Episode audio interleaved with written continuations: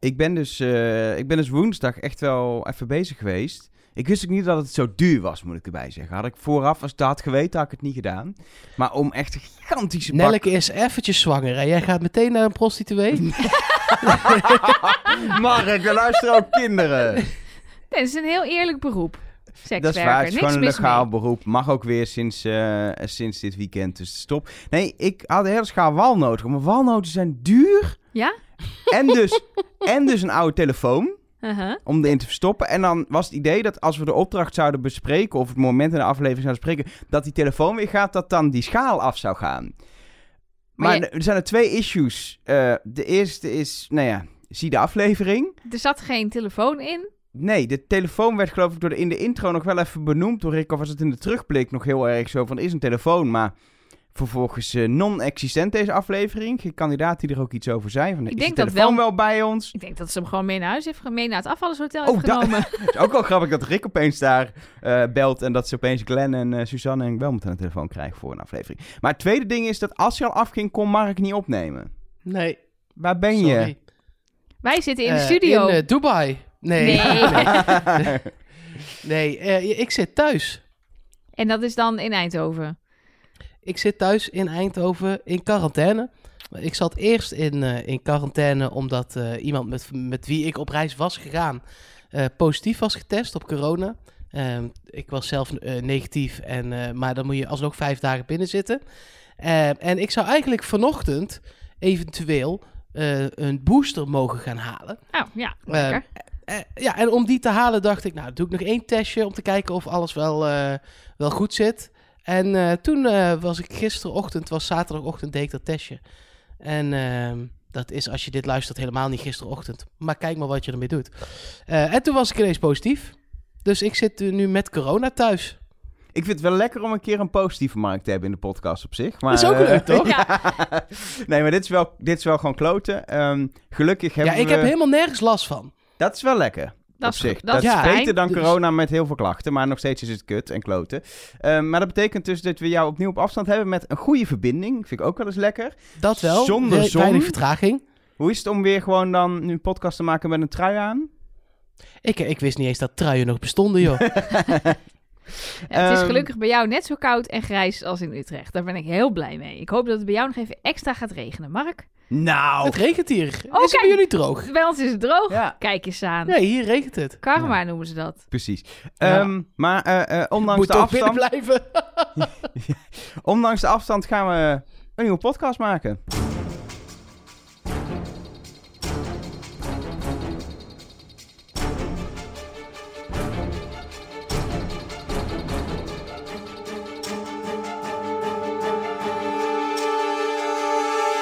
Hallo en welkom bij Trust Nobody, de podcast over Wie is de Mol met de altijd negatieve Nelleke Poorthuis. Met Mark Versteden. Nee, dan moet je zeggen dat die Oh, positief... ja. Dat was de hele grap. Weet je wat er Zo, gebeurde? Weet, je wat- zo'n duidelijke opbouw. weet je wat er gebeurde in mijn hoofd? Ik was de volgorde even kwijt. Ik dacht, wat gaat Elge nou zeggen? Wat is ook alweer de volgorde?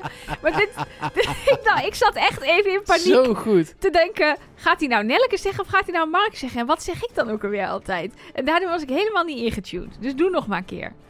Ehm Trust Nobody met de altijd negatieve Nelleke Poorthuis. Met de inmiddels positieve Mark Versteden. En met de gevoelsneutrale Elge van der Wel. Ik test altijd neutraal inderdaad. Dat is heel bijzonder. Dan, dan krijg je van de GGD krijg je een mailtje en dan staat er... eh, uitslag is neutraal. Dan denk je...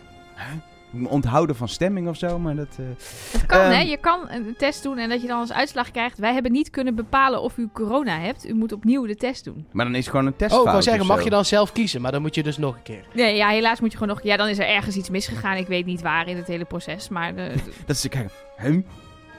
Er zit, er Nou, zit helemaal geen kop over- aan het wattenstaafje. Ja, dus dan gaat het zo over Wie is de Mol hebben natuurlijk, want daar gaat deze podcast oh ja, over. Oh ja. Maar bij de, ik was nog nooit bij de GGD eh, gaan testen. Wel bij van die, van die betaalde teststraten en zo. Maar nog nooit bij de GGD. Maar die gaan diep, jongen. Ja. Ja. Oh, die zitten echt in je hersenen. Holy. Ja. Zo.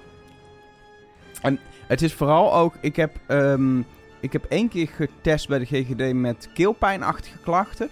Toen vond ik het niet zo erg. Maar als je een neus vol snot hebt, wat ik ook heb gehad, dan is het nasty. Want ze gaan dus door die hele snotzee, prikken ze heen en dan gaan ze daarin Oh, lopen hou roeren, zeg maar. Hou op. Het is Hou op. echt kut. Oké, aflevering 3 van Wie is de Mol? Woehoe. Heette nietszeggend. En dat gaan we nu ook niet meer doen over corona.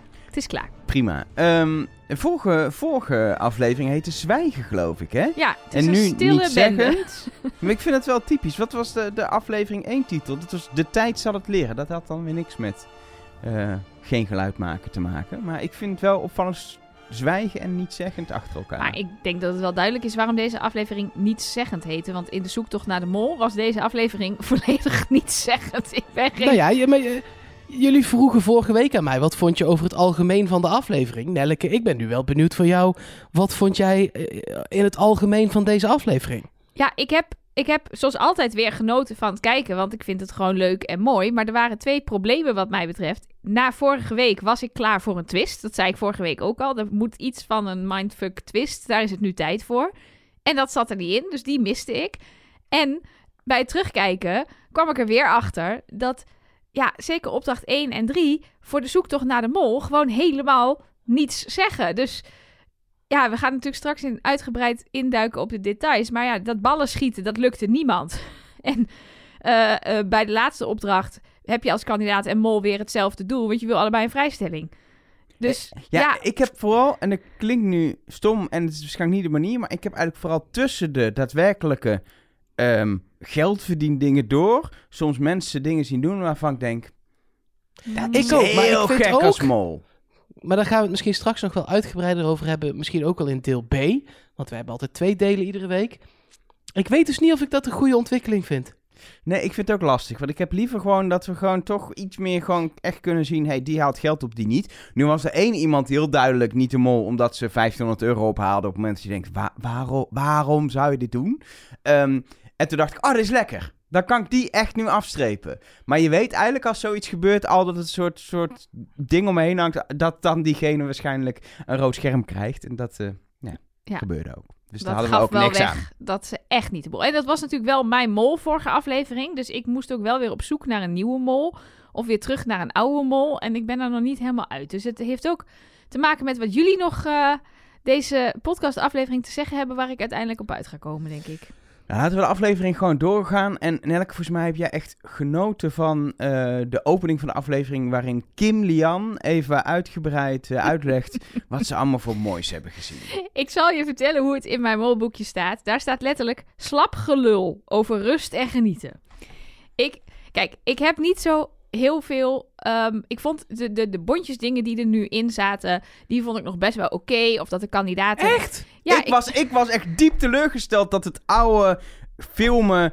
eh, Ja, gespeelde ook. filmen met over de shoulder shots weer terug was. Ik was echt maar waar pissig. was, waar was het gespeelde dan? Bij Nou, Hila bij dat op de fluisteren. en, eh, Ja, eh, bij het fl- Thomas. Ja, bij het fluisteren. Maar de rest was volgens mij Nee, gewoon. want bij die tafel waar zij heel bij kwam op een gegeven moment... zat ook een over-the-shoulder shot in en zo. Dat ik denk, ah, wat doen ze nu weer? Doe het, het was zo... Je waren echt zo ontzettend lekker bezig om het zo puur te maken. En nu is het weer gewoon Jippe Janneke GTS afteerwerk met Everon Jackson Hoy... eh, die er dan niet meedeed. De enige die dit kan acteren, die zat er niet in, zeg maar.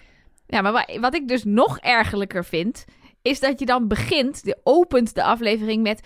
Oh, we zijn zo aan het genieten met elkaar. Ja, het is zo leuk. En dan zien we een groep vogels. En dan zegt iedereen: Oh, kijk hoe mooi. Ja, je moet wel genieten. Dan denk ik: Flikker een eind op. Ik heb opeens meer om het lekker met de meiden in mijn hoofd. Ik weet niet wat het is. Ja, nou ja, zo'n vibe had het. Daar, ik, daar erger ik me dan nog meer aan dan aan die bondjes. Want die bondjes hebben in ieder geval speltechnisch. Dan kun je nog zeggen, het heeft iets met het spel te maken. Want wie vertrouwt wie? En er werd veel Ja, uitgesproken over... eh, ik verdenk die en ik, ik heb een tunnelvisie op die en zo. Terwijl hier heb ik echt werkelijk helemaal niks aan dat je de vogels mooi vindt. Wat ik, wat ik wel over het algemeen heb gemerkt, deze aflevering heel erg. In die opening zaten ook de beelden uit, ehm, uit de auto's. Uit de twee soort minivans waarmee ze Ja. rijden. eh, waarin ze een beetje aan het zingen waren in de auto.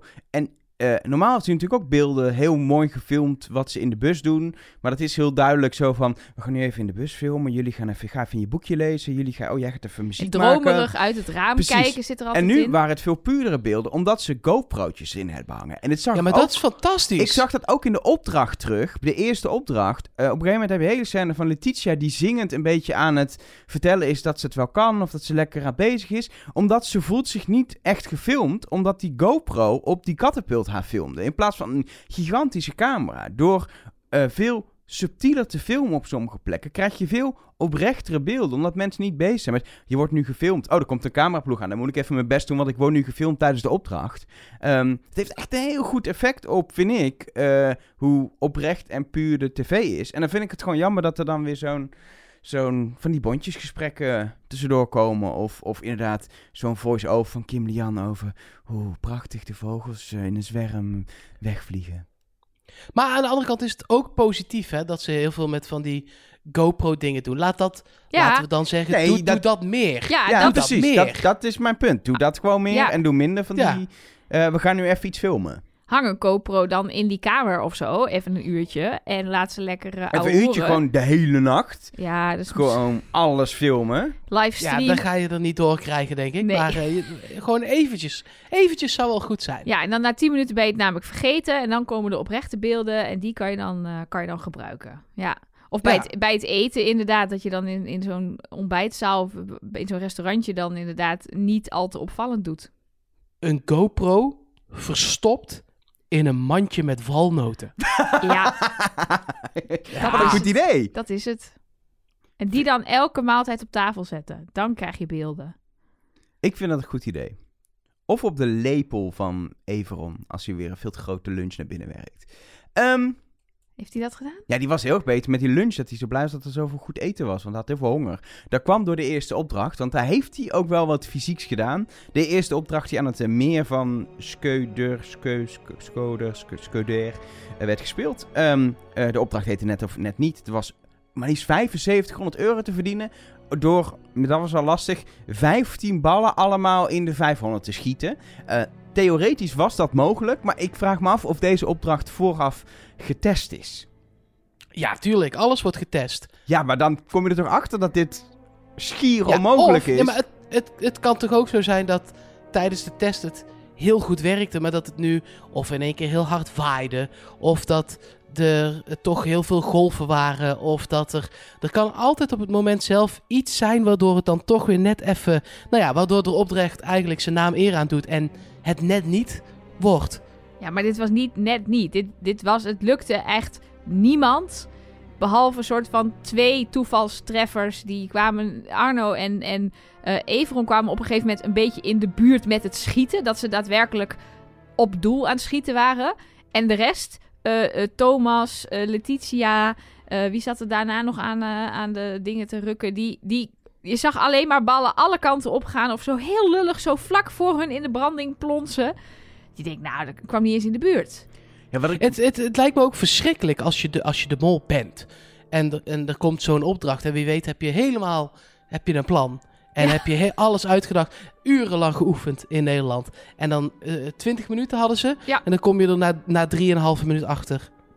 Ja, ik hoef niks te doen. Nee, Ik hoef niks te doen. Dat is ook saai, toch? ja, Dat is wil je het ook, niet. nou, wat, ik, wat, ik, wat ik typisch vond eraan, was eh, ehm, dat je inderdaad als niet zoveel te doen had. Maar ook dat de kandidaten niet echt hebben nagedacht over hoe dit aan te pakken. Het was gewoon, we zetten drie mensen aan die katapult. Zo verdelen we het. Terwijl je had ook kunnen zeggen, iedereen gaat ongeveer zeven minuten schieten. En zo krijgt iedereen een eerlijke kans, verdelen we het. Maar ook toen ze op een gegeven moment achterkwamen dat met z'n tweeën, met Kim Lian achter Everon hangend, best wel werkte. Is er niemand die denkt, Letitia die krijgt geen bal eh, verder dan vijf Daar meter dat ding uit. Laten we iemand erbij hangen. Er zijn zes mensen in het water aan het dobbelen, dobberen. En Hila of Sahil die echt werkelijk niks hebben gedaan. Ja, Hila heeft geprobeerd. Ik zou die boot moeten kunnen verplaatsen volgens Rick. Maar volgens mij lukt het me niet. Dan blijf ik maar lekker zwemmen in Bacardi Lemon. Nou ja, Nelleke die zei wel net aan het, aan het begin van de aflevering... eigenlijk heb je niks aan opdracht 1 en opdracht 3. Maar dat, daar ben ik dan niet met je eens. Eigenlijk precies om wat jij nu zegt. Want het kiezen van de groepjes... eh, gebeurt natuurlijk voordat je weet dat niemand dit kan. Dus Ja. daar kun je wel degelijk iets uithalen. Want eh, Hila Ehm, en ook Sahil inderdaad, maar die, die komt nog wel eventjes naar de kant. Maar Hila heeft gewoon 20 minuten in het water gelegen volgens mij. Ja. En dat zou je als mol niet zo snel...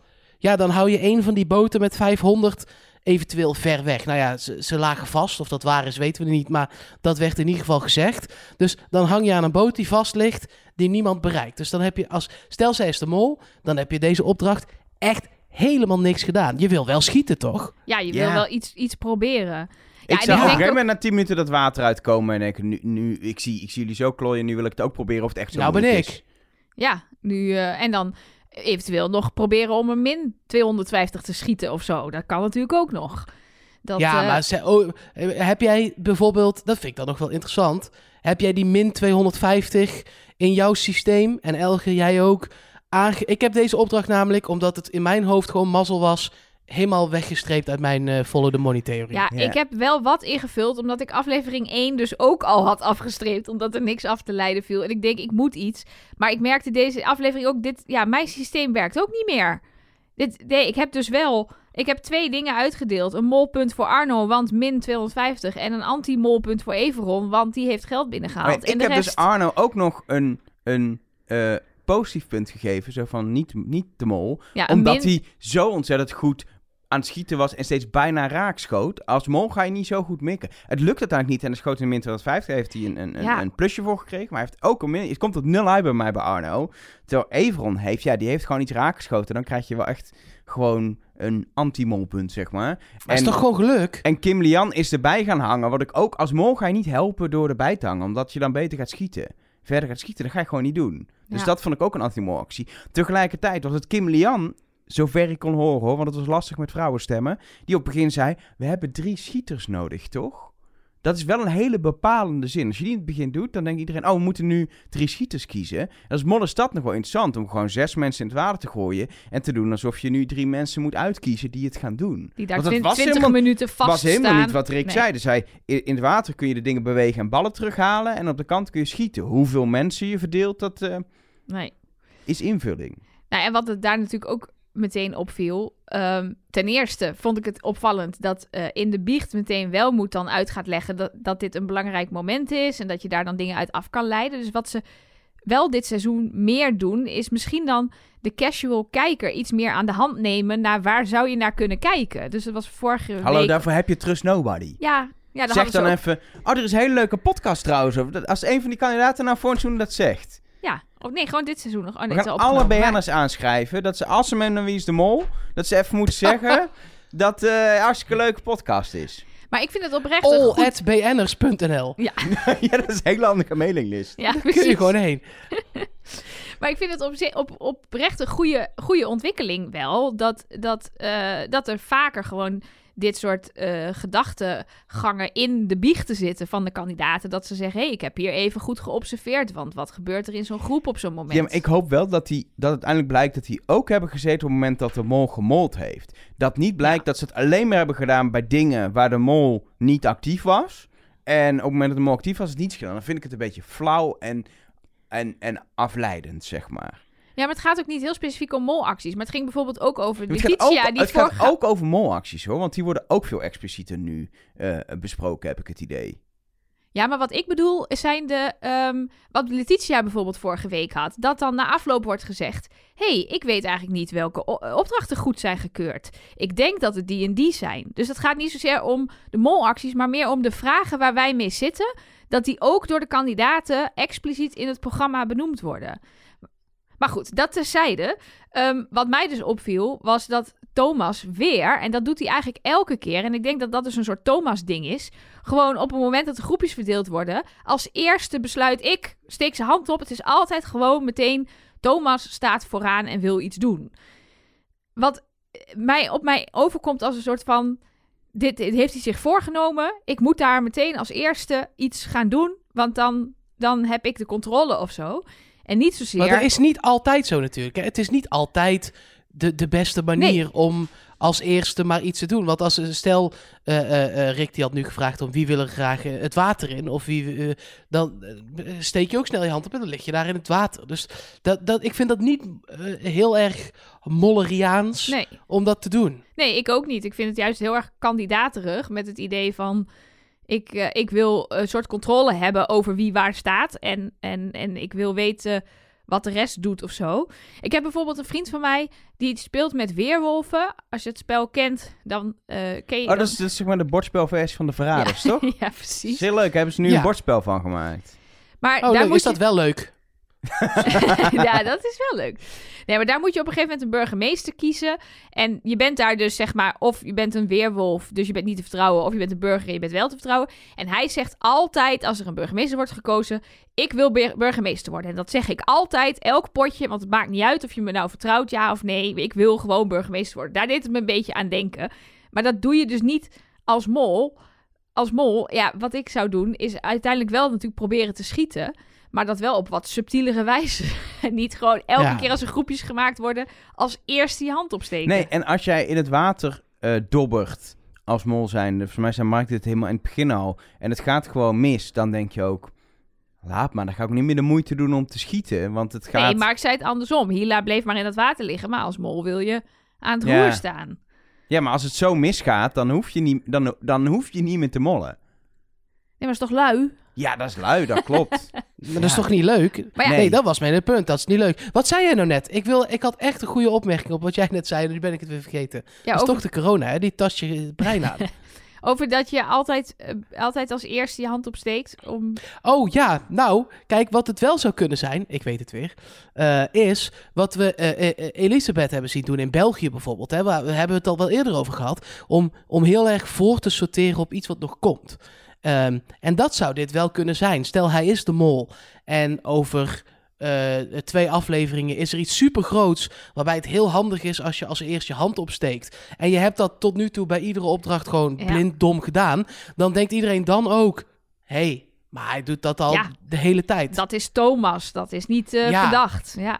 ja, dat is waar. Dat is waar. maar ja. dan hebben wij je door, Thomas. Maar hij had het bijvoorbeeld ook met het penningmeester kiezen. Daar geeft hij uiteindelijk ook heel snel op. Want hij zegt, niemand vertrouwt mij. Maar dat was ook meteen, wie wil de penningmeester zijn? Bam, Thomas steekt zijn hand op. Ja.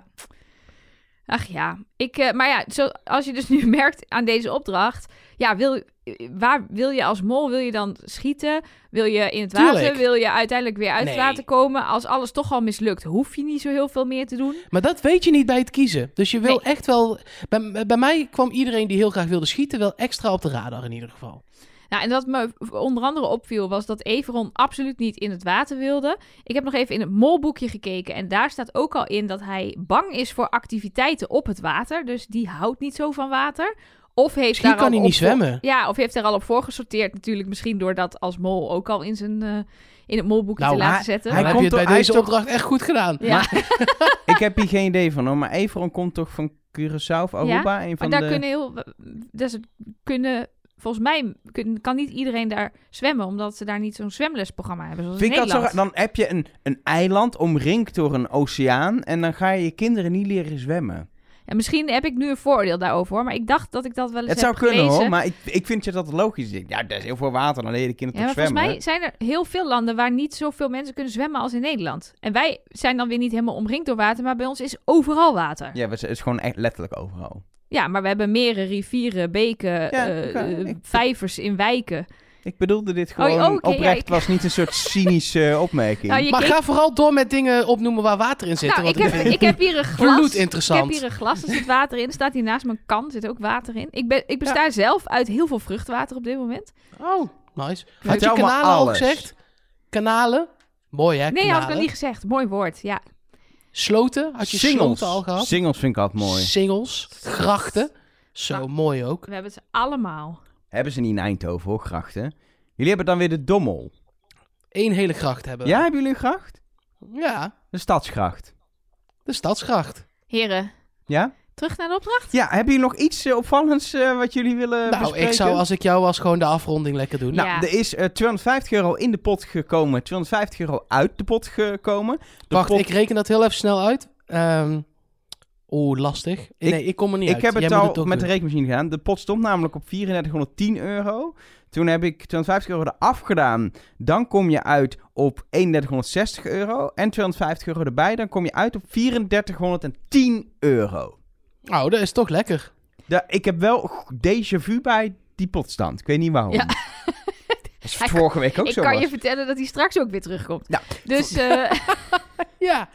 nee, dat is niet waar. Er zit natuurlijk nog een opdracht Er zit tussen. nog een maar opdracht tussen. bij opdracht 3 is de eindstand weer nul. Maar goed, dat is een teaser.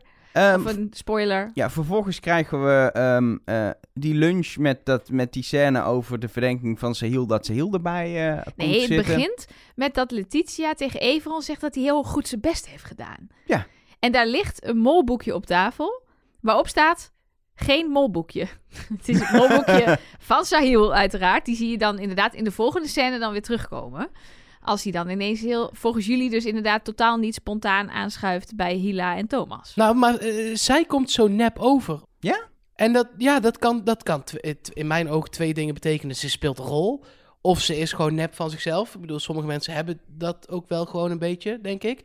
Ehm, maar heel erg gespeeld. Heel Ja, maar- erg... eh, Maar dat kan dus als je, als je de opdracht krijgt van de makers, ga maar zitten en praten. Dan krijg je dat. Dat is precies dat, dat punt wat ik eerder maakte. Dat je van die gespeelde Nee, dingen maar het was ook... Het was, zo, het was heel gek ongemeend. Of zo. Maar wat ik kan me niet eens meer herinneren wat Hila heeft gezegd. Want in mijn herinnering Nou, was het vooral een gesprekje dat Thomas vertelt: ik heb tunnelvisie op Sahil. En dat Sahil vertelt: Thomas is mijn mol.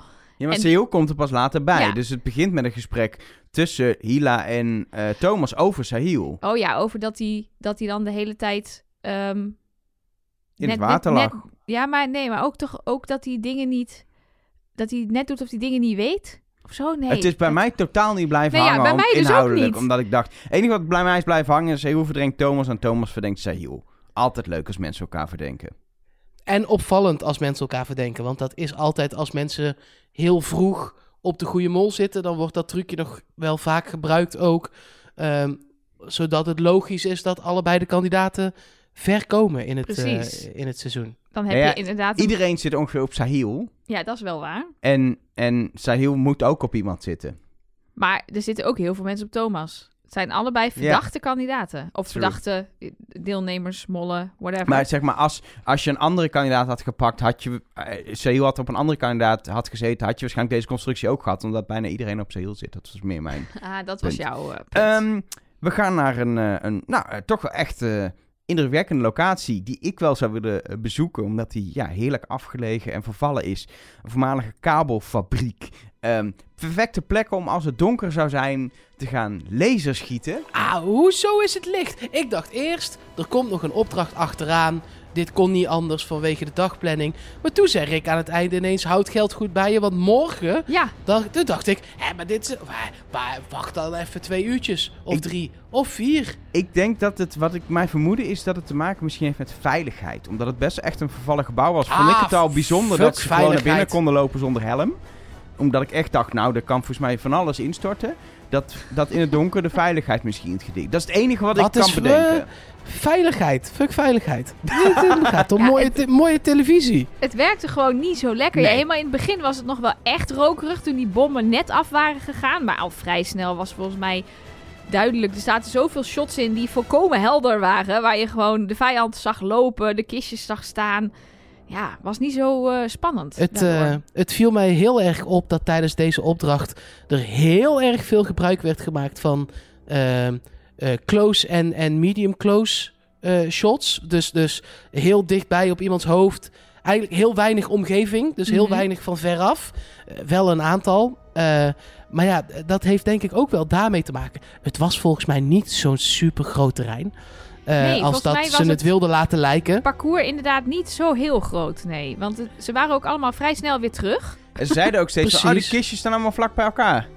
Ja, dus het was niet zo groot en het was niet zo licht. En het was... En ik hou van laserschieten, dat mag duidelijk zijn. Maar het was niet de beste laserschietopdracht ooit. Hij was wel gewoon weer leuk. Ik heb echt wel genoten. Maar ja, zeker ja, van, was- van ja. lieden zoals Sahil, hoe die daar door dat, zich door dat parcours eh, manoeuvreren. Maar inderdaad, de, de, de opdracht zelf, kijk, bij laserschieten, dat is heel leuk om te doen. Dat, dat, daarom doen wij dat ook met enige regelmaat. Ehm, En het is iets minder leuk om alleen maar naar te kijken. Dus je moet, als je die opdracht bedenkt, iets toevoegen waardoor het voor de kijker interessant wordt. Vorig jaar Blacklight Ballerina's, fantastisch. Geef een creepy, Geweldig. Creepy sfeer. Eh, die dames zien er fantastisch uit. Er zaten drie lagen in die opdracht. Want je had twee verschillende teams met verschillende opdrachten. Eh, je had eh, jokers verstopt in het pand. Er stonden teksten op de muur in blacklight. Nou, weet je, er was van alles te zien. Naast het feit dat er ook mensen aan het rondsluipen waren en koprollen aan het maken En zijn. die andere leedschietopdracht waarin ze elkaar gingen gewoon eh, afschieten uiteindelijk per ongeluk in het grote veld. Die was in het donker, op echt een eh, spooky omgeving. In, in het binnenterrein van, de, van, van een klooster was dat. Ja. Dat was, dat was gewoon een veel spannendere setting. Ja, en die vond ik al wel los- wat, wat Ballerina saaier. natuurlijk ook. Maar die, die, was, die was ook daardoor en interessant een heel groot veld hadden ze daar relatief. Terwijl dit Ja. was echt klein. Ja, je had daar die shots ook van bovenaf. Dat je dus inderdaad, omdat het open, open binnenplaats was, dat kon je goed eh, van bovenaf filmen ook. Dus ja. Ja, maar kwam- dit was eigenlijk precies dezelfde opdracht als dat. Misschien dat dat het ook is. We hebben dit al gezien in het Tsjechië-seizoen. Letterlijk, kistjes met geld erin. Eh, en laserschieten met guards. Ja. Dit, het was, en nu was het met een vingerafdruk. En toen was het met een letter en een, en een code en een dingetje. Maar het was in principe één op één. Nou, vooruit, één op anderhalf. Ja. Was het, wa- het was dezelfde opdracht gewoon. Ja, Nog ja, een precies. keer.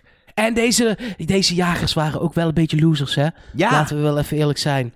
Waren een beetje losers van jagers. ja dat ik dacht, dus, de- dus ze, ze rennen weg als iemand achter je aankomt. Ze, ze, Ja, ze zaten niet zo goed verstopt. Ik, ik, Wie zou dat zijn geweest? Locals of productiemensen? Of, Ik eh, denk productiemensen, gok ik. Maar ik, misschien had het ook te maken dat het niet donker was. Dat ze ook niet zo goed konden verschuilen of zo. Maar het was... Ik, Mark heeft wel gelijk. Het was...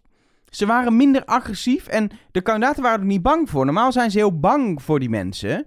Nou, maar eh, zeker in een jaar waarin je de titel van je, van je hele... En daar, daar moeten ze ook binnenkort wel weer op terugkomen. Dat kan niet anders. Maar dit, het hele ding... Ik bedoel, we hadden de renaissance in Italië. En nu zitten we midden in de ontmaskering.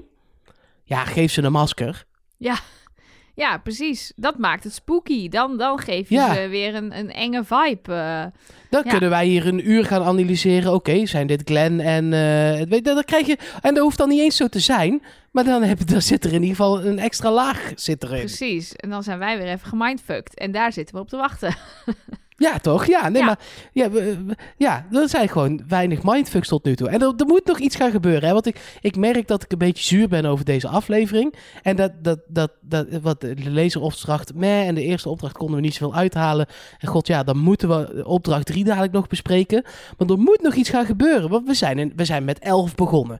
We, de ding heet de ontmaskering. Er moet, er, er moet nog, de- daar hou ik me wel aan vast. Er moet iets gaan gebeuren ergens de komende ja, eigenlijk volgende week al, maar misschien dan de week erna. Maar ergens moet toch iets nog een ding zijn? Ja, Ja. Glenn heeft het er ook over gehad in zijn, in zijn eh, interview met Splinter, toch? Van, die zei, eh, jullie krijgen nog wel mindfucks. Ja, en en eh, Ik eh, hoop ook Je weet niet weer- wat je ziet. Ik, ik- we hadden bijvoorbeeld in het, in het Italië Renaissance seizoen waren we heel erg bezig. Oh, die storytelling was goed. Ehm, maar er zat bijvoorbeeld ook op een gegeven moment die hele aflevering, anderhalve aflevering, richting Elba in. Met een soort tussen kleine opdrachtjes in een grote opdracht verweven. Het is nu weer, het is gewoon super basic. Drie opdrachten, waarvan eentje psychologisch is, eentje lezen schieten en eentje fysiek. Nou, dan heb je alle, alle ingrediënten zitten er op zich in. Het was gewoon alle ingrediënten van een aflevering. Een executie, er gaat iemand naar huis eh, van wie je misschien niet verwacht of wel verwacht. En het is afgelopen. Maar het is wel, ja, dit, dit, het is wel seizoen 22. Dit kennen we ondertussen wel. Dat is een beetje het ding. En ja, maar dat gaat ze ook. Ze gaan het niet elk jaar ineens anders doen. Nee. Dit is ook wel, dit is wel de, de basis van, van het geheel ook. Alleen, er is niet zo vaak voorbij gekomen dat we drie... De eerste was dan nog wel een soort van... Nou, die vond ik wel... Dit, dat was gewoon echt een goede aflevering. Mhm. Al gebeurde daar ook niet echt iets raars, zeg maar. Hè? Nee. Er waren gewoon op, opdrachten en er ging iemand naar huis. Maar aflevering 2 en 3 zijn gewoon hele reguliere opdrachten. Dus er moet wel echt een... een ja, wij zijn niet een Kiev, vriend. Moet, er moet nog wel echt iets gaan gebeuren. moet nog wel even voorbij komen. Ik zou sowieso dan niet in Kiev willen zijn. En zeker niet aan Almaty op dit moment. Dat is even, kun je beter in, eh, in Albanië zijn, denk ik. Ehm, even terug naar de opdracht. Waar rook is, is Niemand vuur, snapt dit, hè? Nou, als je een beetje het nieuws volgt. Ik volg het nieuws niet. Ik heb geen idee waar je het over hebt. Ik ook niet. Ik hield wijselijk mijn mond. Zoek even Kazachstan in de NOS op of nu.nl op. Oh, dan gaat het Ehm, niet zo lekker. Nee, dat is een statement. Ehm, opdracht 2. Maar wat, qua corona? Ja, ik ga dit eerst... Dit ga Kazachstan. Oh jee, gelukkig hebben wij het belletje. We gaan door. Waar rook Eh, is, is vuur. Waar ook is Oh vuur. ja, dat is wel allemaal onhandig, ja. Ja. Ehm, de, die titel die sloeg trouwens niet op corona. Terwijl Ja, tot nu toe alle, inderdaad- alle opdracht 2 steeds een titel had die sloeg op corona-achtige toestanden. Avondklok en, eh, en prikactie. Maar waar rook is, is vuur. Mark, heb jij, ruik je opeens de hele dag vuur of zo? Zie jij rook? Komt er rook uit je oren? Nee, eh, misschien is het als je een positieve zelftest eh, doet... eh, dat dan de GGD-test waarschijnlijk ook positief gaat zijn. Ja, dat was bij jou wel aan de hand. nee, dus deze bij- vind ik vergezocht. Maar ik denk, ja. ik denk oh, het niet. echt ja? Vind je het vergezocht? nou, het, lag zo voor de hand. Con- concrete dingen over deze opdracht. Het is natuurlijk in het begin nog eh, eh, een kleine discussie als de groepjes vrij snel gevormd zijn over Kim Liam, die toch eigenlijk echt niet in het, eh, in het groepje wil zitten waar ze, waar ze inkomt met eh, Welmond, eh, Welmoed en, eh, en Letitia. Zij En wil, Hila. eh, met Hila, sorry. Zij wil, eh, ze wil graag eh, wisselen. Ehm, omdat ze met eh, Hila een bondje heeft. Ehm, en iedereen heeft dit natuurlijk door. Tenminste, Arno en Sahil hadden dat heel erg door. En die zei gewoon, we gaan niet wisselen. Oh, je wil ehm, de mannen verdelen? Ja, oh, ja, ja, ja, ja, ja. Die zei gewoon, nee, alleen Thomas dacht, oh, dat doe je, ja, wisselen. Zo jammer. Vind ik zo jammer. Laat zo iemand even lekker in de sop gaar koken. Ja, dat vind jij leuk, hè? Ja, tuurlijk. Dat je denkt, oh, het is heel duidelijk waarom ze wil wisselen. Laat haar lekker. Heeft ze lekker een probleem met de zoek naar de bol. Zoek het uit. Ja, maar uiteindelijk was het dan bijvoorbeeld, kwam het bijvoorbeeld Freesia wel weer goed uit. Want die, die vertrouwde dan ook Kim Lian weer niet. En die dacht, hé, hey, nou heb ik haar mooi in mijn groepje zitten. Maar ja, kijk, als mol maakt het volgens mij hier niet uit in welk groepje je zit. Ja, dat ligt er dus een beetje aan. Want eh, er zijn verschillende theorieën binnengekomen over. En dan eh, dat, eh, in aflevering deel B komt het nog wel uitgebreider terug. Over het vies maken van Ja. vingerafdrukdingen. En ik geloof er allemaal niet zo in, maar dan zou het nut hebben, zeg Ja, maar dan is het welk groepje gaat als eerste. Dat is belangrijk. Maar Rick zegt expliciet, jullie moeten je verdelen in drie groepjes. En je mag zelf Ja, kiezen in welke volgorde jullie gaan. Dus in welk groepje je dan zit, dat maakt niet uit. En vervolgens moet je alleen zorgen dat jouw groepje dan als eerste mag. Ja, dat Dus- is waar. Die hele ruilactie, daar zou ik in ieder geval voor het vinden van de mol niet echt iets ehm, aan willen hangen. Behalve dan dat ik denk, als je als Kim Lian de mol bent, ga je dan zo opzichtig wisselen van groepje om mensen in de gaten te houden. Want dat hoef je natuurlijk niet te doen.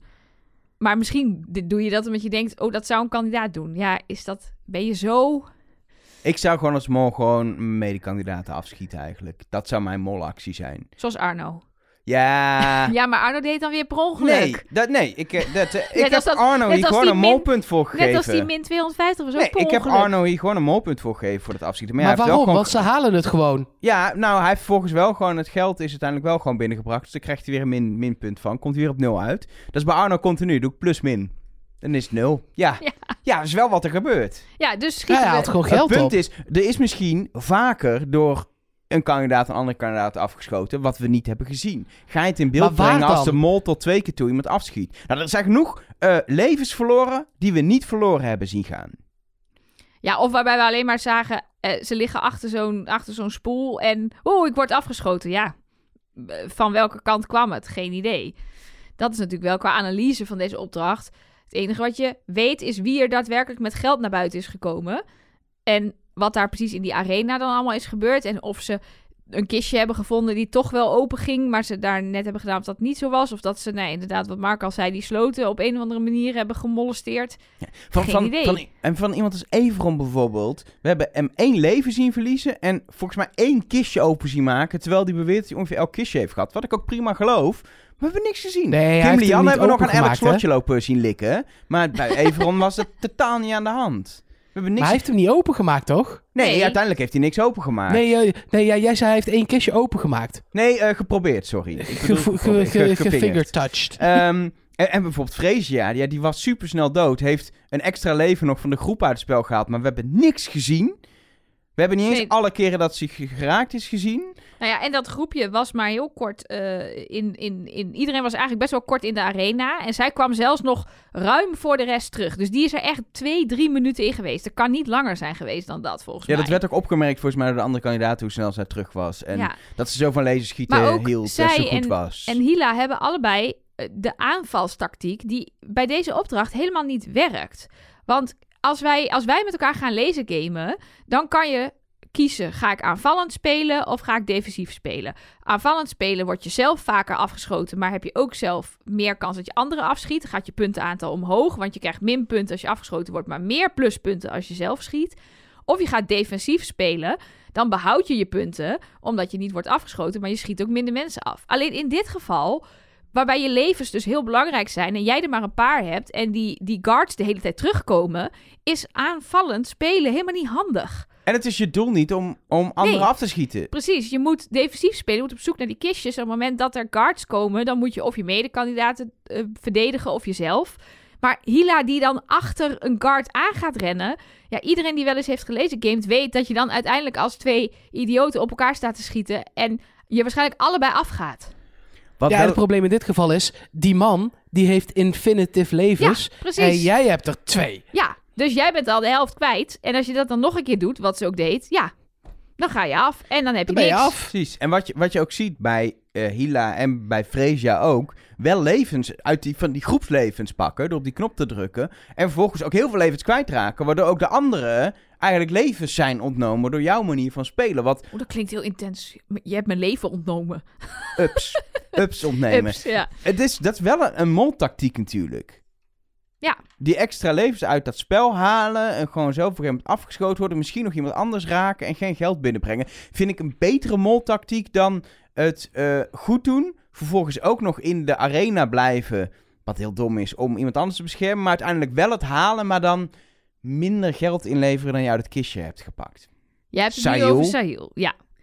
Ja, dat was natuurlijk wel het opvallendste aan deze opdracht. Dat we allemaal hebben gezien hoe Sahil 200 euro uit een kistje haalde. Twee biljetten van 50 en één van 100. Dat was niet moeilijk om te zien.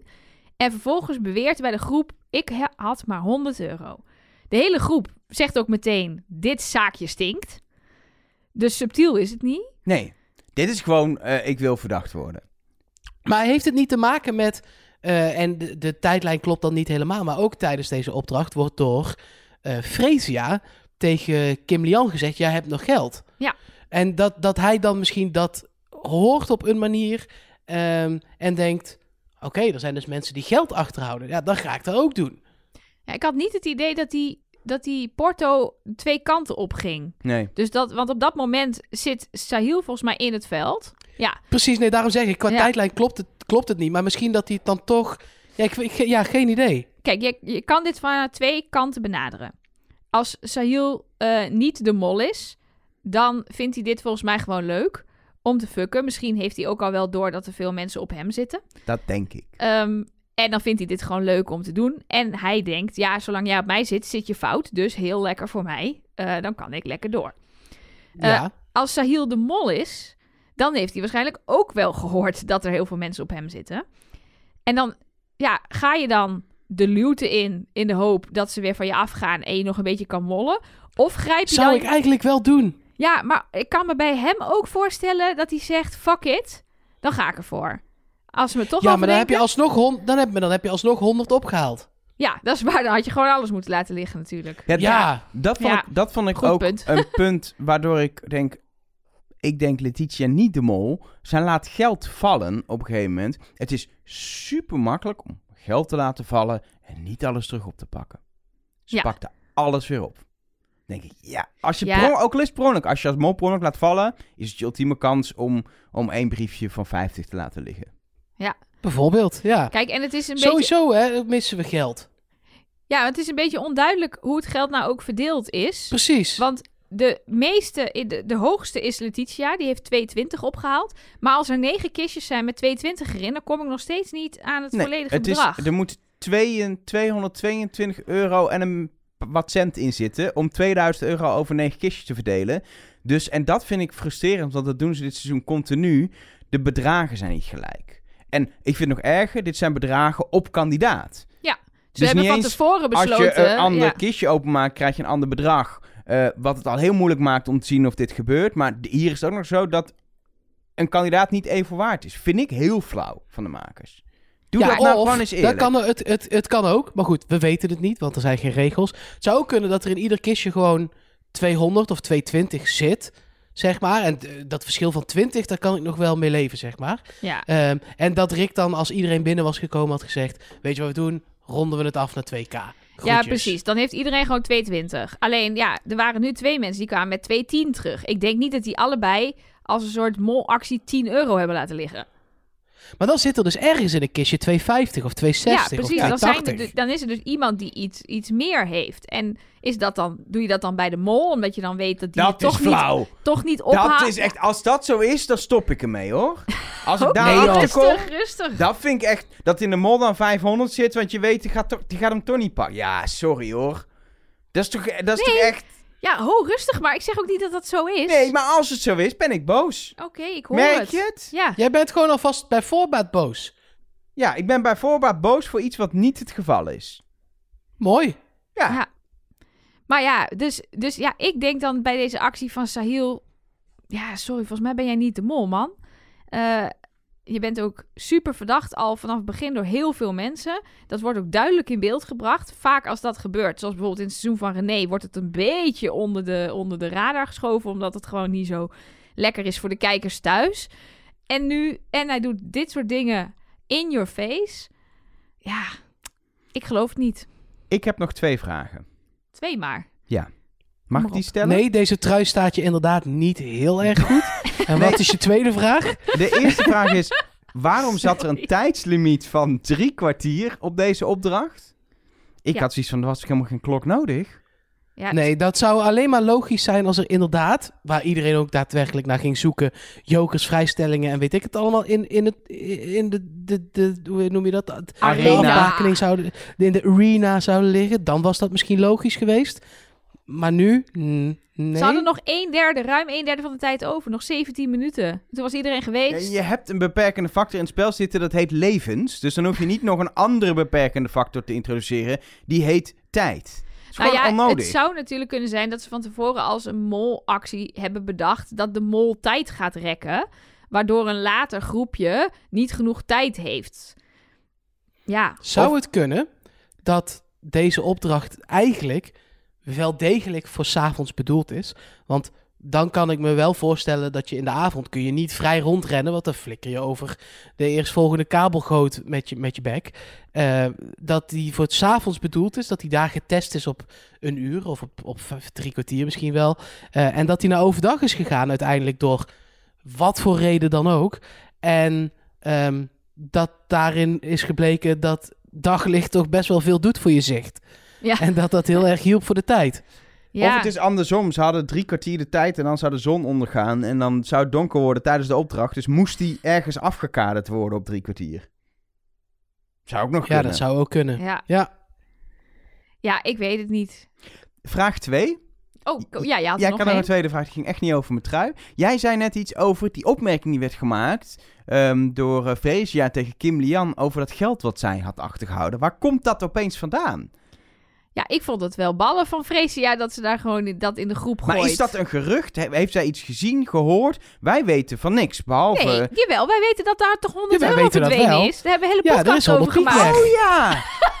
Wacht, ik blader even terug. Dit gaat over de 100 euro die miste in opdracht 1, aflevering 1. En toen hebben wij ook Ja, bij gezegd... de jokers. Bij de, de jokers die teruggekocht moesten Ja, worden. precies. Daar was 1500 te verdienen. Alle geldopdrachten waren gelukt. En toch kwam Freesia met 1400 euro over de brug. Daar is dus 100 euro verdwenen. En we hebben toen ook gezegd... de opdracht die Glenn en Kim Lian met z'n tweeën hebben gedaan... daarvan hebben we niet gezien dat het geld gepakt werd. En eh, daar zou dus 100 euro kunnen zijn verdwenen. Nou, Glenn, Glenn heeft was dat inmiddels naar huis. Precies, die heeft het waarschijnlijk niet gedaan. Of misschien ook wel, maar dan in ieder geval niet als mol. Dus Freesia denkt, het was Kim Lian. En Maar dat confronteert haar daar Dat even is mee. dat briefje waar Kim Lian achter dat masker op staat. Dat heeft ze natuurlijk weggemoffeld. Precies. Ja, dan zijn we eruit. Ja, want, want wat, nee, maar wat is een andere reden om geld achter te houden als je kandidaat bent?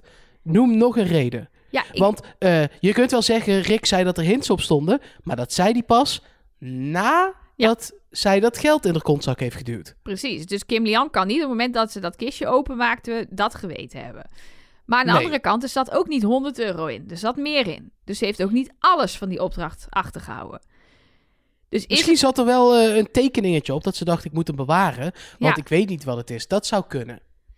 Ja, nou ja, ik weet ik vind het, ik, het past net iets te lekker inderdaad in die, in die maskerhint. eh, en dat dat dan misschien op dat geld stond en dat ze daarom heeft achtergehouden. Maar, en, maar dan brengen ze dit wel weer zo in beeld, dat Freesia haar daarmee confronteert. Kan natuurlijk ook Freesia als brutale mol die het zelf heeft achtergehouden. Want zij was natuurlijk degene, de verzamelaar van het geld. Het was heel makkelijk om 100 euro in haar achterzak te laten zitten. Ehm, en dan daar lekker iemand anders de schuld van te geven. Natuurlijk ook, ehm, kan ook gebeuren. Kim Lian was Ja. wel een beetje aangevallen, vond ik. Het was, ze ging er snel een grap van maken en het weglachen. Maar ze mochten ook niet haar eh, tas eh, doorzoeken. Wat ik ook wel weer begrijp. Dat, Ja, eh, dat zou ik ook niet fijn vinden. nee. Los van als ik niks Dat zou ik ook niet fijn vinden als ik niks had. Nee, precies. Nee. Nee, blijf van mijn spullen af, joh. Ja. Hmm. Hebben we nog iets verder over deze opdracht eh, wat echt gemeld moet worden? Of zal ik gewoon weer een berekening doen? Hij is iets makkelijker dan de vorige keer de berekening. 740 euro erbij. Ja. Maakt de pot 4150 euro. En dat is ook de eindstand van deze aflevering. Al is er nog een opdracht 3 natuurlijk. Maar voordat we naar opdracht 3 gaan, moeten we het even hebben over Me. Onze sponsor. ja, ik ga Ja. het ook niet meer normaal proberen uit te spreken, want dat gaat toch mis. Maar het is Surprise Me, is de Ja. officiële Maar naam. je hebt je best gedaan in Elgeren, dat is belangrijk. Precies. En met Surprise Me kun je op vakantie. Je weet alleen van tevoren niet waar je heen gaat. Je weet wel wanneer, eh, hoeveel dagen. Je kan eventueel een bucketlist doorgeven. Of plekken waar je niet heen wil omdat je er al geweest bent. Maar Surprise Me, die bepaalt waar je heen gaat. En ik zat Ik dus vind dat wel fijn hoor. Want die, die bucketlist. Kijk, ik ben een beetje een neuroot. En ik vind het. Ik, ik ben nu twee keer op een groepsreis geweest. eh, met ons. En nu op een pretpark groepsreis. En het is dus best wel chill gewoon als iemand dat bepaalt. Maar ook weer niet alles. Ik bedoel, ik heb een beroep gekozen waarbij ik dingen moet regelen. Want dat vind ik leuk. En dan vind ik het best wel moeilijk om gewoon zo te zeggen... Oké, ik trek overal mijn handen vanaf en ik kijk wel waar ik uitkom. Dus ik vind die bucketlist, dat is echt perfecte middenweg voor als je een Ja, maar je- beetje jij een moet gewoon een keer uit je comfortzone, Ja, precies. versteden. Want Jij ik- moet gewoon een keer alles overlaten aan iemand van, van, eh, van Surprise Want dan Me. kom je nog steeds Ja. op één van je keuzes terecht. Terwijl het juist zo leuk Ja, maar dat is dat toch je... goed? Nee, dat je ergens terecht komt wat je nooit zou kiezen. Want dan kan je Nee, maar dan weet ik niet... In, hallo, ik weet dan niet in welk hotel of in welk Nee. stadsdeel... of in welk, welke stad van wat ik op mijn bucketlist zet. Ja, ik vind dat echt super fijn. Ja, maar ik vind het veel leuker om jou gewoon naar eh, Almaty te- in Kazachstan te sturen. En dat je van tevoren niet weet. En dat je ook niet wil eigenlijk. Maar misschien vind ik dat wel heel mooi. Dan moet je het op je lijst zetten. Ja, precies, zet ik het op mijn lijst. Nee, maar, ook, stel je hebt heel veel zin in een zonvakantie. En je zit ineens in, eh, in IJsland. Dat is toch zonde? Ja, maar je kan ik wil wel een beetje verrassing. Je kan zeggen, ik wil bijvoorbeeld naar Zuid-Europa. Maar dan weet je wel, in, zeker in het voorjaar of zo, dat het wel zonnig wordt. Maar dan, dan is het toch leuk dat je nog niet weet... Oh, het wordt of Valencia of eh, eh, weet ik veel welke stad in Italië. of Lissabon of, of, eh, Athene. Napels. Want daar heb ik uitgekozen. dat je gewoon nog compleet random is. Nou, laat mij Dat je dat naar Cyprus vinden. gaat. Het is fijn dat ze voor iedere neuroot wat wils hebben. Nou, ben jij nou Ja. niet zo neuroot als Mark, maar durf je het echt Waarom aan? niet? Dat kan toch gewoon? Dan kan je gewoon met je bucketlist meedoen. Precies, Ja. anders, anders doe je het met je bucketlist. Maar ehm, je kan een vakantie boeken bij Surprise Me ehm, met korting. Dan ga je naar surprise.me slash korting slash nobody. Krijg je eh, 50 euro korting op je vakantie. Eh, wel minimaal 200 euro boeken, want anders krijg je gratis vakantie. Ehm, maar dat is nog steeds een nette korting. Belangrijk is wel, eh, eh, die code die geldt nog even, maar wel tot 31 mei. Dus het is wel zo dat als je denkt, nou ik ga in september nog een keer boeken... Met die Trust Nobody code, dat kan dus niet. Nee, als je dit later je kan wel in mei boeken voor september. Dat kan volgens mij wel, ja. Ja. Volgens mij gaat het om de, om de boekingsdatum. En het linkje staat ook op eh, trustnobody.nl. Als je doorklikt naar de aflevering, dan kan je, hoef je niet die moeilijke letters allemaal achter elkaar in te typen. Welke letters? SPR, SME. Dat is het toch? Ja, met een Of puntje is die ertussen. laatste E er niet? Jawel, met een puntje ertussen. Tussen, voor de M. even. Nee. Maar ik, ik vind Lingo. het woord surprise al lastig om Ja, maar te er schrijven. zitten twee R in, Ja, hè? precies. Dat is wel... sr- prr- s- m- Nou, Het is een sponsor. Hartstikke leuk bedrijf. Ze hadden alleen Dat- een andere naam moeten kiezen. Ehm, we gaan... Zouden we het uit moeten schrijven? zo! Zouden we het gewoon uit ja, moeten of uit schrijven? moeten schrijven. Het is ook super irritant dat we elke keer moeten kutten met sprr-prr-me. Vind ik irritant. Ja, maar ja, dan ga je over mij klagen dat ik eh, o- op vakantie wil naar iets anders. En Nou, dan, eh, Heb jij al moeite met een paar klinkers? Medeklinkers. Medeklinkers. nou, dan koop je toch gewoon een klinker. Ja. Ja, adverteer dan niet op YouTube. Dan kunnen mensen het gewoon zien. En dan moet je niet in een podcast adverteren. Ehm, Wij zijn heel blij. we, zijn heel, we zijn heel blij dat we dat Hebben we eindelijk een sponsor? Dit gebeurt nooit meer, want Elge van der Wel heeft het finaal om zeep geholpen. Nee, is hartstikke leuke sponsor. En kijk vooral ook naar National Geo- Geographic trouwens. Opdracht 3. Dat is Eh, van Disney, hè? dat is waar. Eh, Ja. op- ja, dat weet jij Als je dit weer. over een jaar luistert, heb je er helemaal niks aan. Nee. Maar Eh, opdracht, zit, ja, nou, hè? Dus leuk. Mickey Mouse. Hoho! opdracht 3. Eh, vakbondje. Een opdracht waarbij eh 6000 euro te verdienen was. En ik zag dat in beeld en toen zag ik de opdracht uitgelegd. Toen dacht ik, dit is zo'n opdracht waar de geld te verdienen is. Maar dat gaat natuurlijk nooit gebeuren, want niemand gaat geld ophalen. Maar het kan zomaar zijn dat Welmoed Sietsma meedoet aan Wie is de Mol. En dat hij denkt, ja, er komt toch een zwarte vrijstelling in. En dan heb ik een vrijstelling en die ga ik niet bewaren voor een latere aflevering. Dus ik ga maar geld op. Ik, in haar hoofd is iets gebeurd dat ik denk, dit klopt niet. Maar het is toch zo jammer dat ze eruit is. Ja, vind ik Het ook. is toch zo zonde dat zij weg is. Ik vind het ook, want ik vind... Ik, ik, zij was mijn mol, vorige aflevering. En vanaf dit moment niet meer. Toen was ik er wel echt nou, dat is op zich een goede keuze. Ja, nog, nog voor het rode scherm. Maar, en toen dacht ik, ja, in aflevering 1 was ze ook al totaal dat we dachten... nee, niet de mol, jokers jatten, achterhouden. Ze is gewoon een superleuke, toffe, fanatieke kandidaat... die het spel speelt op een manier die wij leuk vinden. En dit vind ik ook weer leuk. Dat, we zeggen altijd, kandidaten moeten ook voor het geld gaan... want anders hebben we tien mollen en dan schiet het allemaal niet op. En zij doet het gewoon. Ja, dat is wel... Dat, Heerlijk. dat is waar, maar ik was gewoon zeer ehm, verbaasd. En ik had het zelf ook nooit gedaan. Nou, ik was vooral heel erg verbaasd dat er is maar één keer genaaid door Thomas van Luin. Applausje daarvoor. Die ging bij de drie jokers gewoon, fuck Everon, ik ga hiervoor. Maar er heeft niemand een, alleen een vrijstelling geregeld voor zichzelf. Ik had dat gedaan. Ik had het keihard gedaan. Ja, vooral Ja, Arno, ik en, ook. Arno en Sahil snapte ik allebei niet. Want ik denk, die zijn allebei toch gewoon onbetrouwbare naaiapen in dit spel. Wat gebeurt hier?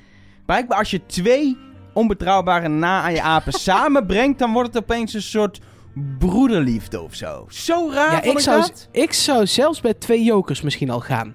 Gewoon uit pure angst. Nou ja, wat, wat Thomas hier natuurlijk ook had, was dat hij ook dacht: ik pak, die, ik pak die jokers. Ten eerste omdat je daar misschien iets meer aan hebt in het, in het zicht van de zwarte vrijstelling. Maar ook omdat je nog eerder bent dan die ander. Als je verwacht dat die ander jou gaat naaien op de vrijstelling. Nou, dat zou ik wel verwachten, want die ander heeft anderhalve minuut daarvoor gezegd...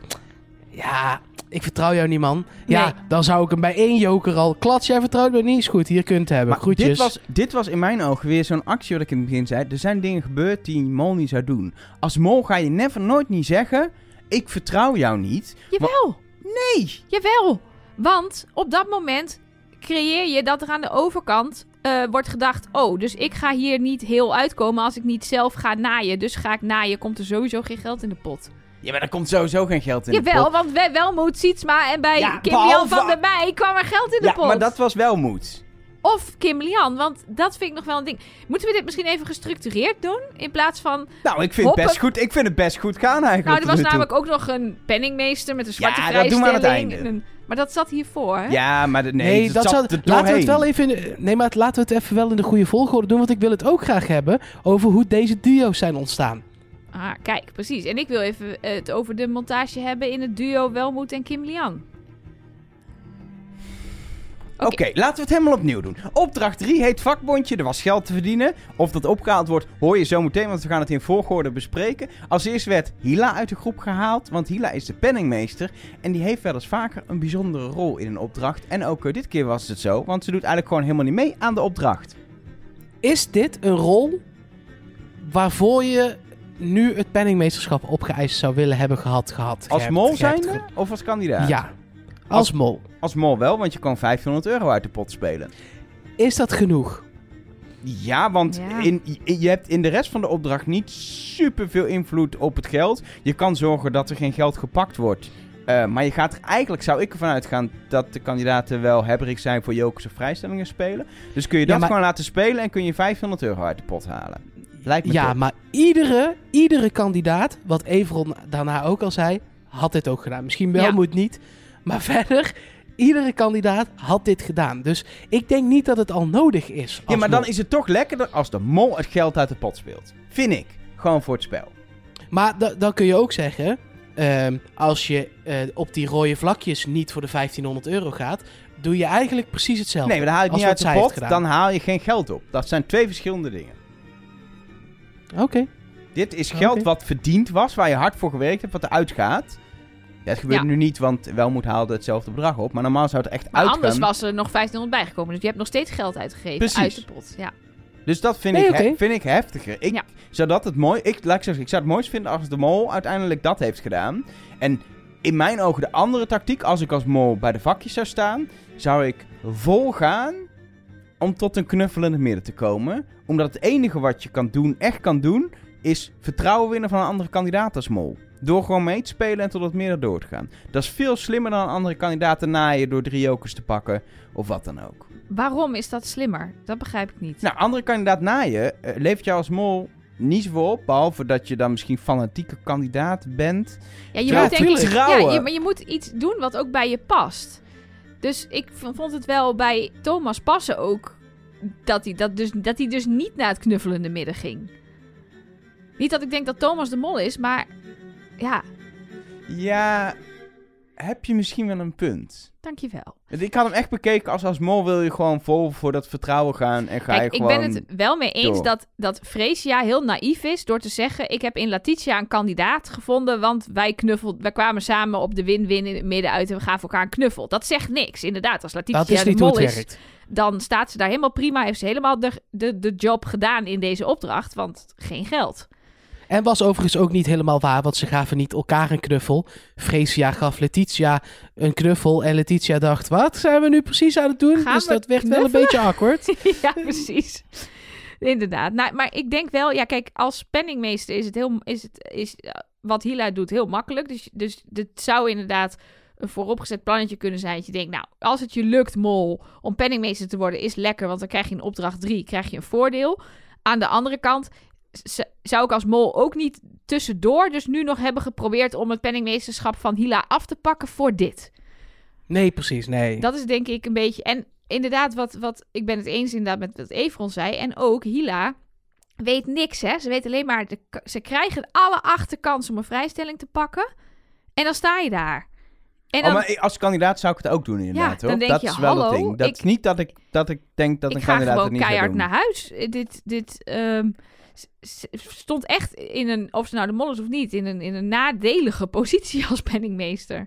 Voor haar verdere verloop in het spel. Jullie wilden ook nog iets zeggen, een van jullie, over hoe de duo's vervolgens zijn gevormd.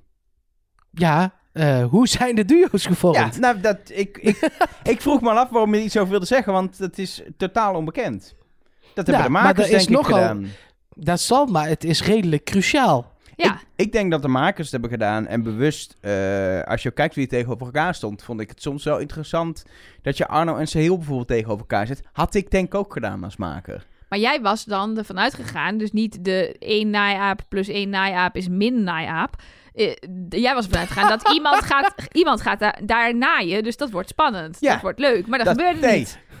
Stonden ze De wet daar van als... Poorthuis. Wie naait er, ik dacht echt, wie naait er harder? Dat dacht ik. Ja, en toen bleken ze, wat zeiden ze nou? Butch Cassidy en de Sundance Kid Ja. of zo. Een of andere western referentie, denk ik. Er ik zaten weet meer het niet. filmreferenties in deze aflevering rondom Sahil dan er molacties waren eh, in deze aflevering van de mol, denk Ja. ik. Ja, en, eh, maar wat ik dus nog wilde zeggen over het duo Welmoed en Kim Lian... eh, is dat, dit, dit hebben we ook meerdere keren opgestuurd gekregen op hotline en social media... is ik had namelijk op Instagram gezegd... ja, en eh, eh, we kunnen alleen maar Welmoed afschrijven... want ja, Kim Lian die liet later pas die zak vallen... en het was Welmoed die dat, die dat deed. Maar mensen wezen me er terecht op... dat is zo geknipt.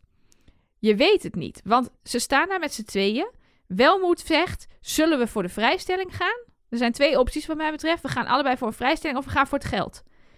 En vervolgens zie je Kim Lian zeggen, ja, is goed. Ze gaan dus voor het geld, blijkt uiteindelijk. Ehm, Maar als, je, als Kim Lian de Mol is, dan had ze daar toch kunnen zeggen... Nou nee, dan worden het dus de vrijstellingen.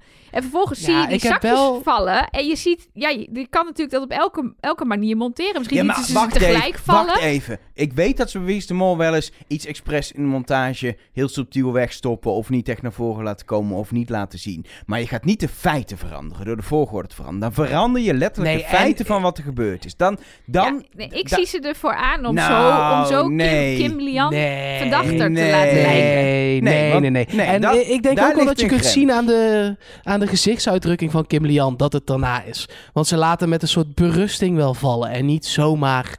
Ja. eh, nee, dat is, was wel echt daarna, je, hebt, hoor. je hebt een beetje aardehoedje op, merk ik, uh, Ja, dat heb ik toch altijd? Ja, maar nu te vroeg ook in de aflevering. oké. Het zit pas in deel B. Nee, dat is... Dit is Maar zijn jullie het er niet mee eens dat als Kim Lian de mol is... dat ze daar makkelijk Welmoed wel richting de vrijstelling had kunnen praten? Als Welmoed zelf voorstelt, wat zullen we doen? Vrijstelling of geld? Dan ga je toch naar vrijstelling? Ja, dat- Iedereen kwam uiteindelijk ja. op een vrijstelling uit. dat lijkt me ook. als, Dus- je de, als je het gesprek aangaat met elkaar. Dat is bij elk ander duo ook gelukt. Behalve dan bij Everon en Thomas vanwege... daar liep het gesprek totaal anders. Maar bij die andere twee was het... we gaan voor de win-win...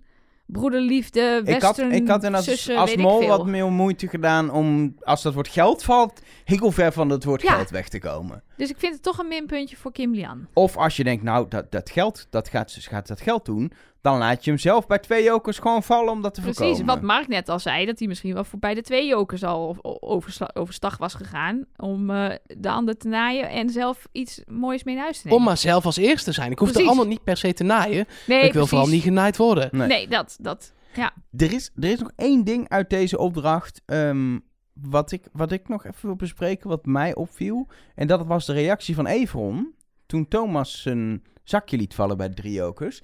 Als die woede gespeeld is, snap ik niet dat Everon enkel in GTST acteert. Hij acteert ook niet alleen maar in GTS. Nee, maar dan, Had hij, dan had hij toch al lang in Hollywood kunnen. Dan was hij toch de nieuwe Michiel Huisman kijk, geweest. Het is natuurlijk een beetje mijn, mijn wensmol eh, molletje, omdat ik hem vanaf het eerste pleidooi verdenk. En het dan natuurlijk super lekker is als dat klopt. En hij doet ook wel dingen in mijn ogen die, die mollerig zijn. Maar ik dacht hierbij ook.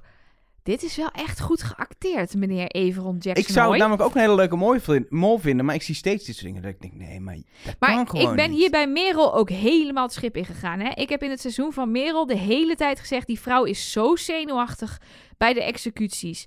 Die, die is zo, eh, eh, stelt zulke domme vragen bij de eh, opdrachten... dat ze het niet begrijpt. En het is een nieuwslezeres, geen actrice. Ze kan dit niet acteren. Dit is wel een acteur. Hij kan het wel. Ja, maar... Ja, want ik vind eh, Everon ook echt anders. Ik ken hem natuurlijk alleen maar als Bing in GTST. Hij is als zichzelf echt anders dan Bing. Dus hij Ja. kan acteren. Hij kan echt een heel ander type neerzetten. Dus ik denk dat hij ook wel kan spelen dat hij baalt. Ja. Ja, nou, Maar goed, mijn tunnel eh, hangt vol met posters van Everon. Maar is dat dan ook de naam die je gaat noemen? Want er blijft nog maar één vraag over. nee. Is, is hij ook... Nee, we moeten echt even die executie en die test doen, Mark Versteden. Leuk geprobeerd Nee. weer. Nee, maar het gaat me niet zozeer om dat iedereen Sahil verdenkt en Kim ook heel veel verdacht wordt en Thomas ook redelijk veel. Het gaat me om wat daar gebeurt qua inzetten van... eh, Troeven. Van troeven, want er zijn zojuist vier vrijstellingen in het, eh, in het spel gekomen en uiteindelijk 0 euro in de pot voor duidelijkheid. Die pot blijft gelijk. Maar, Moest je ehm, nog even zeggen, Ja, anders krijgen we klachten. Eh, Letitia en Van jezelf Fresia... alleen maar hoor. Echt niemand die het mist. Letitia en Fresia... Dat is natuurlijk gewoon een mailtje of een appje via naar de hotline zelf, hoor. Geen probleem. Letitia en Fresia hebben dus een vrijstelling. Eh, Thomas die heeft drie jokers. En Arno en Sahil hebben een, een vrijstelling. En er is natuurlijk de vraag, heeft Hila een zwarte vrijstelling of niet? Ehm, drie kandidaten... Het antwoord is ja. Het antwoord is ja. Drie kandidaten kiezen ervoor om een vrijstelling niet in te zetten. Drie kandidaten. Waardoor er dus nu ook nog drie, kandi- of drie vrijstellingen in het spel blijven. Ik denk dat de makers daar niet heel blij mee zijn. Dat er zoveel vrijstellingen doorgaan naar de volgende aflevering. En nog een jokertje van Thomas, maar dat maakt dan niet zoveel uit. Ja, maar nee, maar dat, ik denk dat de makers dat helemaal niet zo erg vinden. Want dan had je het vrijstellingen voor deze aflevering moeten maken. Dat is ook Ja. weer waar. Ja. Die had je kunnen oormerken. Dat, dat, dat gebeurt wel eens vaker. Of dat, precies, of dat je eh, dat de, het, het plaatje voor allebei een vrijstelling, één vrijstelling voor Forever was. En dat de gezamenlijke vrijstelling voor die aflevering was. Ja, dan ja, had je dat moeten doen. Hadden jullie hem ook niet ingezet? Ik had het Nee. niet gedaan. Want ik, ehm, je weet dat als hij...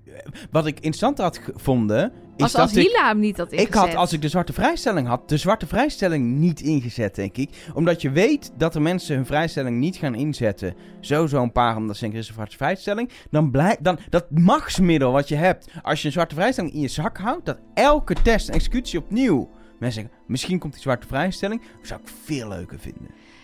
En ik zou zelfs om die reden, ehm, hoe gek dat ook klinkt in dit spel, ik zou eerder voor de jokers zijn gegaan, drie, zoals Thomas heeft gedaan. Als je weet, ik bedoel, iedereen, dat hoorde je wel hè, in, tijdens de uitzending, iedereen vermoedde al wel, zwarte vrijstelling, die kans is wel eh, eh, dik aanwezig. Als je dat weet, zou ik voor drie jokers gaan. Altijd, want dan heb je drie kansen. Nu eentje inzetten, volgende week eentje inzetten, week erop eentje inzetten. Scheelt toch een vraag en we weten gewoon vanuit de geschiedenis Ja, dat Eén is vraag, alles. zeker in het begin, dat kan je redden of breken. Dus ik zou ook als ik Thomas was geweest er niet nu twee ingezet hebben, maar, maar eentje. Maar ik, ik snap Hila wel. Ik weet, ik kan nu heel stoer zeggen, ik zou de zwarte vrijstelling niet inzetten. Maar ik snap ook wel dat je hebt er 1500 euro voor uitgegeven. Omdat je dus heel bang was dat jij, dat jij degene zou zijn die naar huis moest. Omdat iedereen een vrijstelling heeft. Vervolgens weet je helemaal niet hoe die opdracht verder is gelopen. Hou je dus nog steeds rekening met, met het scenario dat er acht mensen naast je zitten die allemaal een vrijstelling hebben ingezet. Ja, Ja, dan en moet je wel lef hebben om op dat moment te denken, zoals die andere drie die zeggen: ik neem het risico, maar misschien vlieg ik eruit. Ja, maar Ehm, het is, om wel een beetje, het is wel een beetje... Dan heb je ook het risico dat je met een zwarte vrijstelling in je zak naar huis gaat. Maar je hebt ook het risico als je een vrijstelling niet inzet... dat je met een vrijstelling in je zak naar huis gaat. En drie mensen doen dat wel. Vind ik Ja. onvergelijkbaar. Wel een mooi aandenken. Ja, dat is, dat is waar. Maar misschien wisten zij. Nee, want zij hebben ze het bij het afscheid nemen nog over. Ik vraag me dus af of die kandidaten. die hebben iets meer informatie. eh, want ze weten in ieder geval wat hun groepsgenootje heeft gewonnen. Maar weten ze ook wat die anderen hebben gewonnen bij, de, bij, de, bij het spel, bij opdracht 3? Want Hila weet helemaal niks. Ik zou het Nou ja, je weet in ieder geval dat er geld in de pot is gekomen. Nee, want Dus dat werd pas dat er na het afscheid verteld door Kim Lian. Toen ze afscheid namen van Welmond. sorry, ja, ja, Ja. ja, nee, tuurlijk. Ja, dus ik denk waar. voor de test, denk ik niet dat iemand iets, iets nog wist. Iets meer dan alleen maar wat zijn groepsgenootje heeft gehad. Nee, ik denk, het zou het mooist vinden in ieder geval als eh, kandidaten zeg maar gescheiden zijn en niet mochten communiceren. Zodat dit gewoon zo puur mogelijk blijft. Eh, omdat het best wel veel effect inderdaad heeft op keuzes die mensen maken als ze weten wat er in het spel is gedaan. Eén laatste Mag ik dan nu naar de vraag ter Nee, vragen? Nee, nog Ik niet. wou ja. nog één ding zeggen over de test. Wat me opviel, los van wie wie verdenkt. Hoeveel echte verdenkingen expliciet. Mijn molles die, ik zit op die. Of aanklikken van naam. Het was vrij eh, open richting ons wie wie verdenkt. En het klopt ook met wat we eerder in de afleveringen biechten zagen. Zeel die op Thomas zit en andersom en zo. Het, het, het was allemaal kloppend. Wat waarschijnlijk betekent dat niemand nog goed zit. Nee, Is wat, mijn wat vermoeden. dan weer wijst op een Letitia, een Fresia. Een, eh Everon wordt alleen maar verdacht door Kim Lian. Eh, eh, Hila wordt heel klein beetje genoemd door, door Welmoed. Arno alleen maar door Thomas. Eh, Letitia door helemaal niemand. Zullen we het hele lijstje anders even doornemen wie wie nee, dat mocht niet van Oh ja, echt zin in. Nee, Mark wil volgens mij al een tijdje een vraag bij ons eh, deponeren. Nou, vooral bij Nelleke. Ik ben gewoon echt benieuwd of ze dan ook nu voor Bing gaat. Voor Bing. Jij blijft maar Bing zeggen. Avron Jackson High. Ja, Ja. ik denk dat ze wel moet. Die niet meer. Eh, dat was een slecht idee vorige week. Ja, Oh, Ik- wauw. je hebt hem nu pas door. Wauw. Wauw, wauw, wauw, wauw. Wie is de mol, Nelke? Wie is de mol? Ja, eh, kijk, ik zit weer naar mijn molpuntensysteem te kijken. En daar staat Kim Lian gewoon nog steeds bovenaan. Maar dat komt eigenlijk voornamelijk omdat ze vorige aflevering zo verdacht was. En nu eigenlijk iedereen zit op nul. Dus is eh, neutraal. Of heeft plus 1 of min 1. Nou, dat ligt echt zo dicht bij elkaar. Dat slaat. Dus volgens mij werkt dat systeem voor mij gewoon niet meer. Ehm, dus ik durf daar ook echt op geen enkele manier eh, op af te gaan. Dus ga ik af op mijn gevoel. Ehm, en misschien ook al wel een klein beetje loop ik vooruit op wat aluhoedjes dingen die ik heb voor volgende. Ja, dat is toch B? oneerlijk? Ik Nee. moet daar nog dat op is wachten. oneerlijk. Precies, nee, dan moet je dat dan doen. Ja, nee, ik ga daar ook nog niks over vertellen. Maar eh, ehm, Nee, Ja. maar dan wissel je dan maar weer van mol. nee, ik blijf, ja, ik blijf bij Everon op dit moment als mijn mol. Ja, ja. Oké. Oké. Ook, ook omdat ik... Ik heb ook geen andere... Andere optie. Want ik wil niet voor Kim Lian. Nee, ik geloof het gewoon niet. Dus dan weet ik niet wie dan wel. Ja, dan kan ik zeggen het is Freesia, want die wordt door niemand verdacht. En die is heel fanatiek. Maar die zie ik ook niks mollerigs doen. Heel concreet. Nee. Dus nou ja, goed. Dat. Ik, Ik- ga voor Everon. Ik, ehm, Maak Ik- je zin niet af, ja? nee, ja, ik ben in dubio. en ik ben vorige keer echt in de laatste, letterlijk toen we het erover hadden, geswitcht van Kim Lian naar Hila. Omdat ik gewoon niet op Kim Lian wilde zitten. En dat wil ik ook gewoon niet. Ehm, en ik denk dat ik gewoon even bij Hila hou, omdat ik niet echt ook eh, een reden heb om daar opeens van af te gaan. Sterker nog, ik zag in die 1500 euro nog een reden van een molactie. Ik eh, hou me even bij Hila. Oké. Ik, eh, ik, ik heb een beetje een geldissue. Want Kim Lian zat natuurlijk in, in het duo dat 1500 euro won. Is er dan een deel van haar? Of is alles voor Welmoed? Want ik ga er wel echt vanuit dat Welmoed eerder eh, was. Mhm. Ehm, Ik zou alles aan wel En- moeten toeschrijven. Ik zou het Nou, dat heb ik 50-50 dus doen, uiteindelijk- ja, precies. Nou, daar heb je dus helemaal niks aan. Nee, Ehm, maar ik heb het uiteindelijk allemaal op Welmoed eh, eh, eh, geschreven op 100 euro na. Dus 1400 om 100. Precies om de reden waar jullie het net eigenlijk over hadden. Dat ze ook niet heeft geprobeerd om dat te voorkomen. In ieder geval niet echt. Ehm, en met die 100 euro komt Kim Lian net boven Letitia. Dus ik ga voor Letitia. Hmm.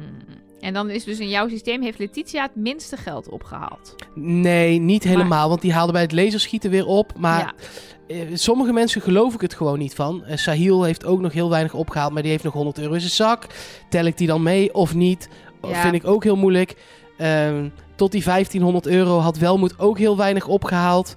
Ehm, tel je die 250 euro bij dat ballenschieten wel of niet mee, want het wordt uiteindelijk nul. Het, het zijn echt weer hele moeilijke rekensommen in mijn eh, eh, tabelletje. Dus er, er klopt eigenlijk nog geen ene jota Nee. van. Daar, daar, daar komt het Al eigenlijk onze- op neer. Al onze systemen zijn volledig ruk en werken niet.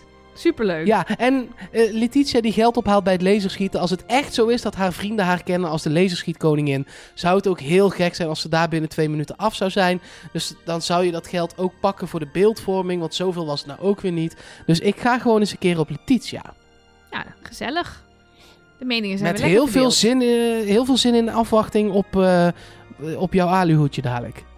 Ik ben benieuwd. Dan ehm, zijn wij voor nu klaar met eh, het eerste deel van de podcast van deze week. We hebben nog een tweede deel, dat heet deel B. Ehm, als je zin hebt, luister. Als je geen zin hebt, luister ook, maar dan met tegenzin.